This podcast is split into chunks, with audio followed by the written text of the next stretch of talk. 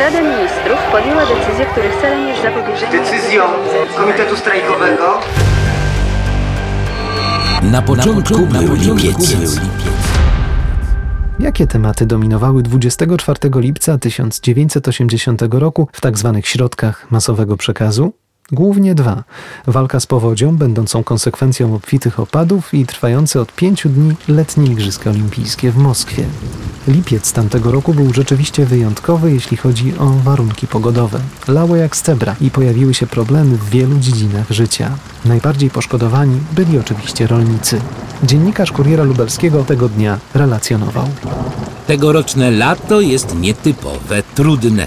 Ludzie w regionie lubelskim i nie tylko tu podejmują olbrzymi wysiłek, aby przeciwdziałać skutkom złej pogody, by zgromadzić pasze, zadbać o plony, przygotować się należycie do żniw.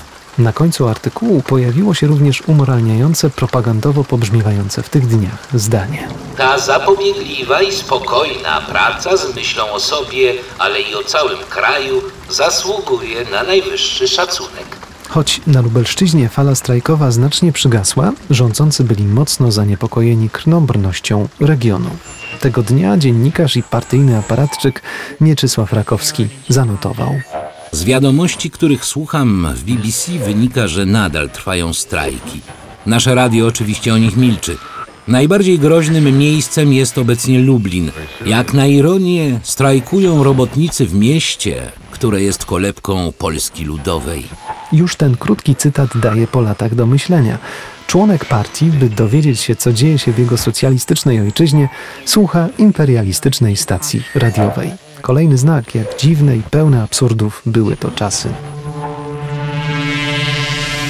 Aby stworzyć pozory wsłuchiwania się w postulaty robotników i do końca wygasić strajki w zakładach Lubelszczyzny, w przedsiębiorstwach organizowano specjalne zespoły, które miały się zająć realizacją zgłaszanych wniosków. Sam Gierek był ponoć wściekły na sytuację. Tego dnia pod jego kierownictwem obradowali pierwsi sekretarze komitetów wojewódzkich i kierownicy wydziałów KC.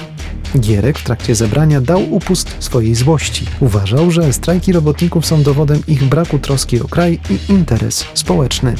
Na spotkaniu padały także sugestie, by być bardzo czujnym wobec działań Komitetu Obrony Robotników i dywersyjnej, jak ją nazwano, działalności Radia Wolna Europa. Dramatyczna sytuacja w kraju nie przeszkodziła najwyżej postawionym aparatczykom partyjnym korzystać z uroków wakacji. Jeszcze tego samego dnia wieczorem Edward Gierek, Władysław Kruczek, Jan Szydlak i Zdzisław Kurowski udali się wraz z rodzinami na Krym.